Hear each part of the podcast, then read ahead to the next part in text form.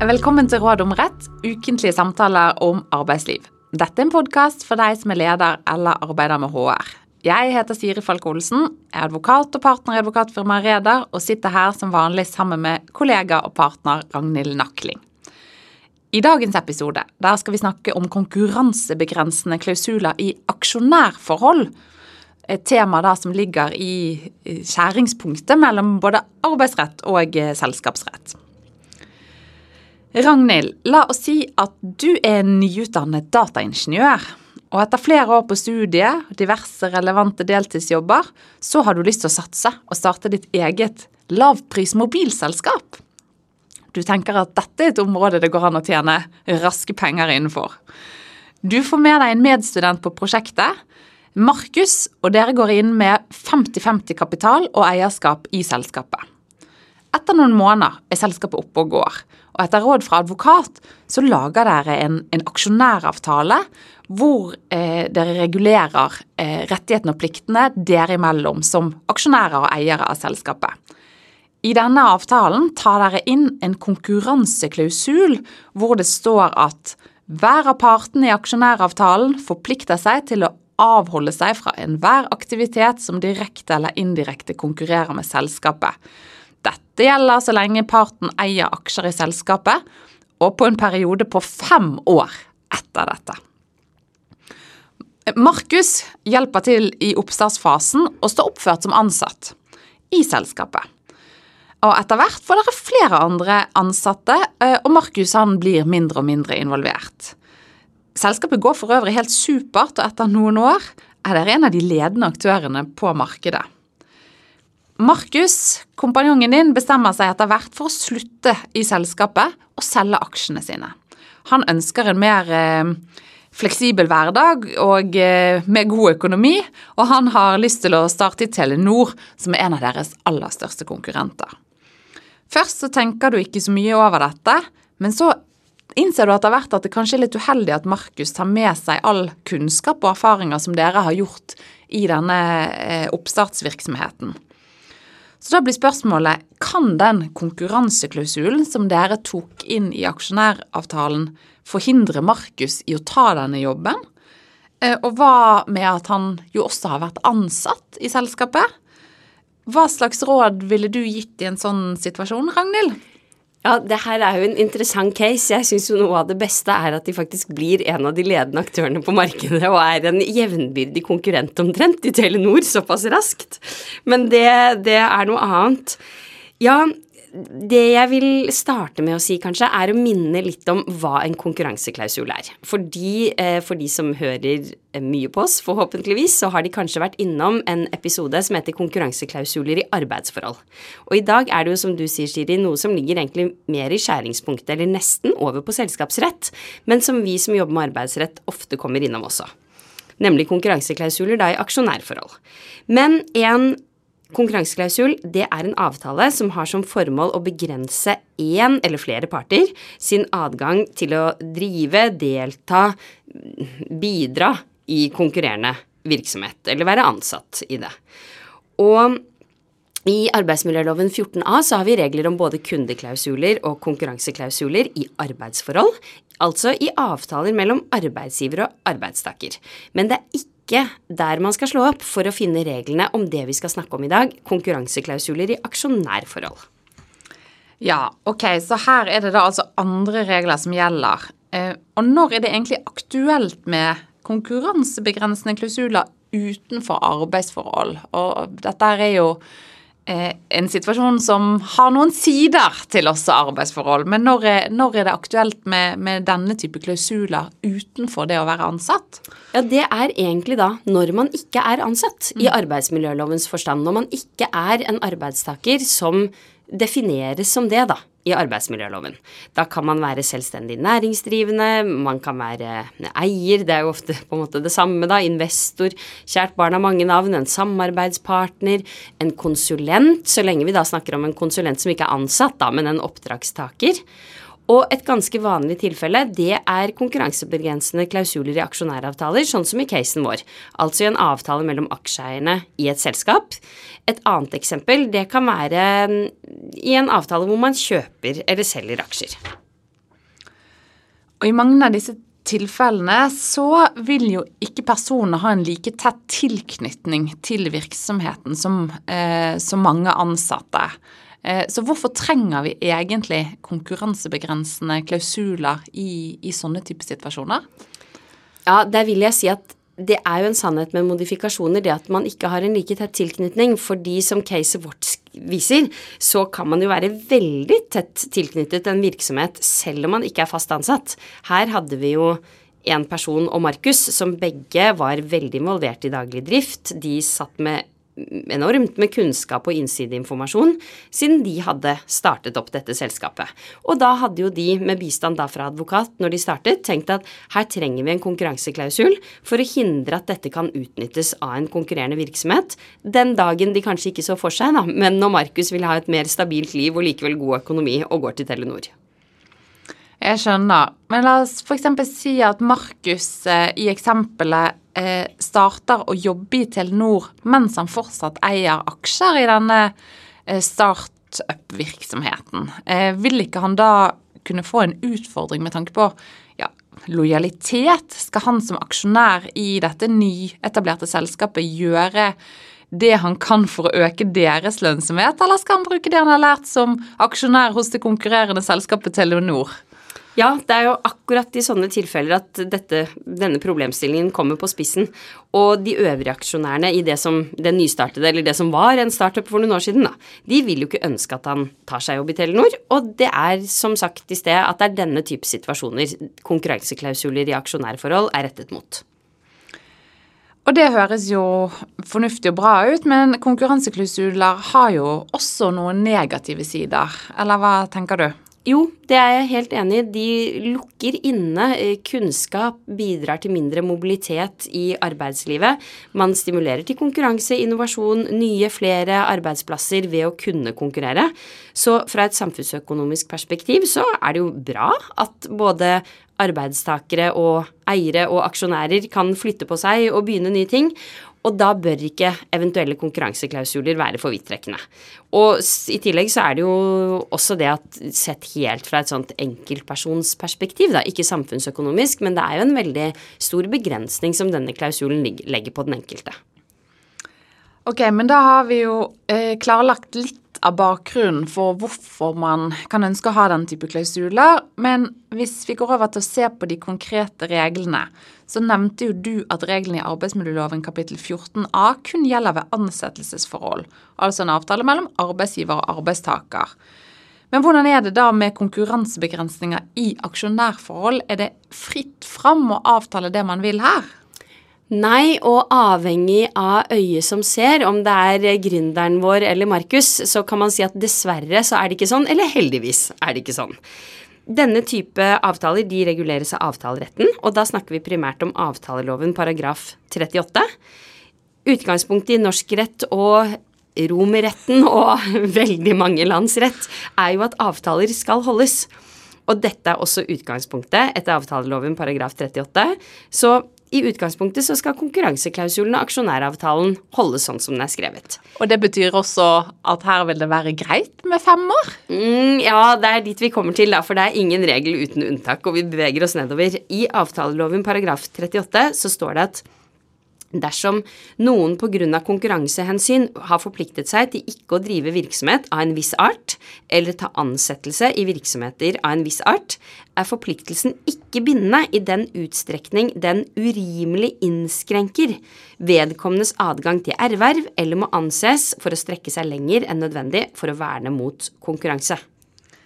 Ja, det er jo en litt sånn juridisk eh, formulering, men da er det, sånn som jeg forstår det, to alternativer for ugyldighet. Enten så må konkurran konkurranseklausulen urimelig innskrenke vedkommendes adgang til erverv, eller den må anses for å strekke seg lenger enn nødvendig for å verne mot konkurranse. Og hvis ingen av disse gjør seg gjeldende, eh, da vil en konkurranseklausul være gyldig og stå seg. Er det riktig?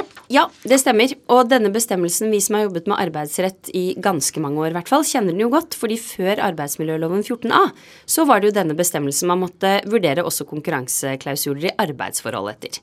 Men nå er det bare igjen konkurranseklausuler i aksjonærforhold som må undergis denne vurderingen. Så hvordan eh, Og eh, må man ikke glemme andre tilfeller som faller utenfor. Ikke nødvendigvis bare aksjonærforhold, men også i andre tilfeller hvor eh, man ikke rammes av eh, arbeidsmiljølovens konkurranseklausulsbestemmelser. Absolutt. Absolutt. Eh, ja, og Ragnhild, hvordan skal man egentlig vurdere dette? Hva er det som er urimelig, og hvordan vurderer vi hva som er lenger enn nødvendig for å verne om konkurranse? Ja, Det er nesten så man kan bli litt lei av å si det, men det beror på en konkret vurdering. Og i lovteksten så står det Det gis jo da litt det, det, gis litt veiledning, da. fordi i lovteksten så står det at ved avgjørelsen av om forpliktelsen urimelig innskrenker vedkommendes adgang til erverv, skal det også tas hensyn til betydningen det har for den annen part at forpliktelsen opprettholdes. Altså hva slags behov har virksomheten for denne konkurranseklausulen. Samtidig så skal man også se på hvilken betydning konkurranseklausulen da spiller for personens mulighet til å finne arbeid, og omfang og lengde, fordi du spurte om ja, er det da greit med fem år? det er jo, blir veldig avgjørende her. Hvis konkurranseforbudet er smalt, sånn at aksjonæren som slutter i selskapet har mange andre muligheter for inntekt, vil jo da lettere stå seg enn en konkurranseklausul som nærmest innebærer et yrkesforbud. Og det samme gjelder jo lengde, som vi kommer tilbake til om litt. Ja, altså Hvis vi tar eksempelet vi da har brukt innledningsvis. Der hadde vi Markus, en dataingeniør som ønsket å forlate det eh, ja, nyetablerte eller etablerte mobilselskapet for å få seg jobb i Telenor. Og så hadde vi en konkurranseklausul eh, som sa at hver av partene i aksjonæravtalen forplikter seg til å avholde seg fra enhver aktivitet som direkte eller indirekte konkurrerer med selskapet, og at dette gjelder så lenge parten eier aksjer i selskapet, og deretter på en periode på fem år. Hvordan blir det da? Eh, vil denne klausulen stå seg og forhindre Markus eh, i å ta en ny jobb? Ja, det er, eller, det er, flere ting å ta tak i her. For det første så må man se på hvilke virksomheter er det denne klausulen omfatter. La oss si da at det gjelder alle mobilselskaper. Hvis det er dette Markus har særskilt kompetanse på, det er dette han kan, han kan ikke få seg jobb andre steder, da vil nok denne klausulen bli ansett ugyldig. Men hvis han lett får seg jobb på et annet sted, som ikke konkurrerer om de samme kundene, så burde det i prinsippet ikke være noe problem. Han er jo i hvert fall ganske nyutdannet, da. Det har ikke vart så lenge, dette selskapet. Dataingeniører trenger vi i Norge, veldig mange steder. Det er nærliggende å anta at han vil klare å få seg jobb et annet sted. Men det blir en konkret vurdering. Og eh, vi har vært litt inne på det, men hva med denne lengden? Fem år, det høres jo sånn umiddelbart ganske lenge ut. Ja, det er veldig lenge. Det er helt i ytterkanten for hva som pleier å kunne bli godtatt. I noen tilfeller så har domstolen godtatt konkurranseklausuler på opptil fem år, men da dreier det seg om veldig snevre markeder hvor behovet for konkurranserettslig vern er veldig sterkt, og hvor aksjonæren da også har fått en veldig god deal totalt sett, da, f.eks. ved salg av aksjer. Og umiddelbart så tenker jeg at det er jo ganske mange ulike mobilselskaper på markedet. Det skal litt til for at Markus sin kompetanse er så unik at han kan ilegges konkurran en konkurranseklausul på hele fem år. Så jeg tipper at den ikke ville stått seg, men må vite litt mer for å kunne konkludere helt sikkert. Jeg skjønner. altså Her må man egentlig vurdere selskapets behov for klausulen opp mot ulempen det vil være da for aksjonæren å få sin eh, frihet til å ta ny jobb begrenset. Det er en form for interesseavveining som avtaleloven paragraf 38 viser til. En, I hvert fall en, en, en slags. Men, men, man må ha i bakhodet at den klare hovedregel er at denne type klausuler er gyldige. Det skal ganske mye til før de kan kjennes ugyldige. Avtaler skal holdes. Det handler om spisskompetanse for selskapet som har ilagt denne Han har jo frivillig inngått den, da, ilagt denne konkurranseklausuler. Og i gründerbedrifter kan dette være veldig viktig. Så i mange tilfeller, vil jeg si, så kan det være et legitimt behov for at en konkurranseklausul varer lenger enn ett år, og at det er lov. Og hva skjer hvis eh, en domstol skulle komme til at konkurranseklausulen er ugyldig? Vil den da falle bort? Det kommer også an på. Enten så kan det hende at den faller bort i sin helhet, men det vanligste er nok at den faller bort eh, i den utstrekning den er urimelig, da, eller strekker seg for langt. Så man kan se for seg at fem år er for lenge med denne klausulen, men at det blir akseptert en kortere periode. Og, det er jo, og dette er jo en problemstilling som vi ofte kommer borti, for det er jo ikke helt sjeldent at en aksjonær også er ansatt i selskapet. At man har to hatter. Man er både aksjonær og arbeidstaker. Og det var jo også Markus en tid tilbake i dette selskapet.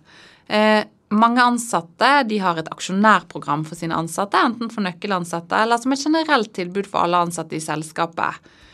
Eh, og som vi da har vært inne på, da er man faktisk der at det er snakk om to ulike regelsett som er mulig å vurdere en konkurranseklausuls gyldighet opp mot.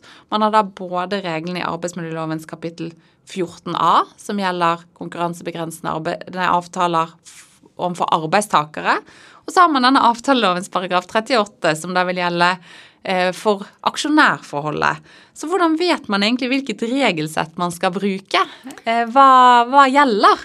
Ja, og det er jo her vi ofte kommer inn i dette, fordi det vi har snakket om til nå, er ikke så ofte vi som jobber med arbeidsrett kommer borti.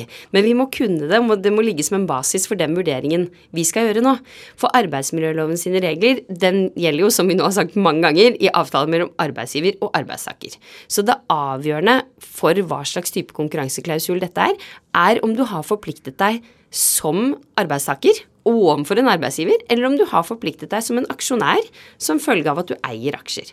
Og det er vanskelig. Det må vurderes konkret. Eh, vi har jevnlig spørsmål om det. Og det var jo en sak som var oppe i domstolen om dette for noen år tilbake, og der sa domstolen at det beror på hvilket avtaleforhold som er det mest fremtredende.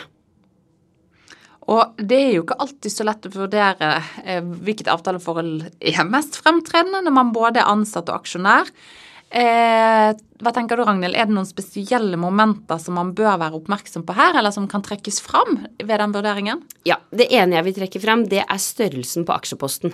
Er den stor eller liten, både sett i forhold til egen inntekt og formue for den det gjelder, men også i forhold til selskapets verdi. Og hvis den er veldig liten, så taler det, trekker det i hvert fall i retning da, at man er eh, arbeidstaker og ikke aksjonær.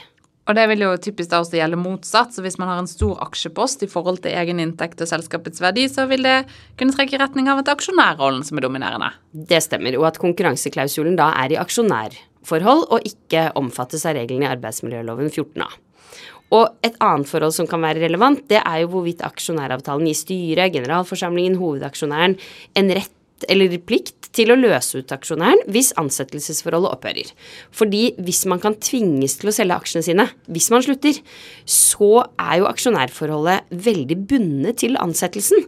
Og da taler det igjen for at det er ansettelsesforholdet som er det avgjørende. Du har aksjene fordi du jobber der. Når du ikke jobber der lenger, så må du selge, selge aksjene. Så hva tror du blir tilfellet i vår case, hvor Markus både er ansatt og har en eierandel i selskapet?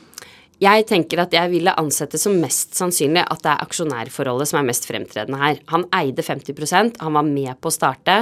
Det virket nesten på meg som om det var litt tilfeldig at han også jobba der. Eller ikke tilfeldig, det er feil, men at det var mindre fremtredende, da, ansettelsesforholdet. Så det fremsto ikke som om aksjene var knyttet til det at han var ansatt. Og da er det avtaleloven paragraf 38 man må slå opp i når man skal vurdere konkurranseklausulen. Og vi har jo vært litt inne på det, men hvorfor er det egentlig så viktig å skille mellom disse to regelsettene? Det er for å finne ut om du må betale noe. Rett og slett. Fordi hvis denne konkurranseklausulen reguleres av arbeidsmiljøloven, da er det, som vi har snakket om i en tidligere episode, sånn at arbeidsgiver har plikt til å betale lønn i de månedene som konkurranseklausulen gjelder. Mens avtaleloven paragraf 38, den setter ikke opp noe tilsvarende krav. Da har du ikke krav på noe økonomisk kompensasjon. Og det er jo også derfor adgangen til å avtale eh, konkurranseklausuler i ansettelsesforhold er, hva skal vi si da, strengere. Det er kanskje litt feil å si, men det er i hvert fall ulike regelsett da, ja. hva angår kompensasjon. Det jo, og det er jo en mer begrenset eh, adgang til lengde etter arbeidsmiljølovens regler også, dette med ett år, men, men som, som, du da sier, det må kompenseres. Det stemmer. Det er vel kanskje også fordi at lovgiver tenker at man har et større beskyttelsesbehov eh, som arbeidstaker enn, som aksjonær. Ja, fordi styrkeforholdet er jo mer likeverdig der enn i et vanlig ansettelsesforhold. Og ofte, i hvert fall, da, så har aksjonærer kanskje litt mer sånn forretningsmessig erfaring, vet hvordan de skal beskytte seg selv, enn en eh, vanlig stakkars ansatt, holdt jeg på å si. Selv om det også her kan variere. Absolutt. Ok, hvis du skal oppsummere dagens tema med tre eh, råd eller tips, hva vil du da trekke fram? Det ene jeg vil trekke frem, det er at virksomheter må vurdere konkret om en aksjeeier som også jobber i virksomheten, skal anses som en arbeidstaker når det gjelder konkurransebegrensninger i eieravtaler eller ikke. For det har betydning for hvilket regelsett som kommer til anvendelse, og dermed også betydning for om konkurranseklausulen står seg, og i så fall for hvor lenge. Og det andre jeg vil trekke frem, det er at for å unngå tvil om det, da, så bør man innta en klausul som løper fra arbeidsforholdets opphør i arbeidsavtalen, mens klausuler som knytter seg til aksjeeierskapet, bør inntas i aksjonæravtalen. Sånn at man er ryddig der. Og til slutt så er det en oppfordring til begge parter egentlig om at konkurranseklausuler bør være balanserte både i omfang og lengde. Da unngår man forhåpentligvis spørsmål og diskusjon rundt om den er gyldig eller ikke, når det kommer dager hvor man ikke lenger skal samarbeide. Takk, det var det vi hadde i dag. Vi kommer tilbake med nytt tema og nye tips i neste episode.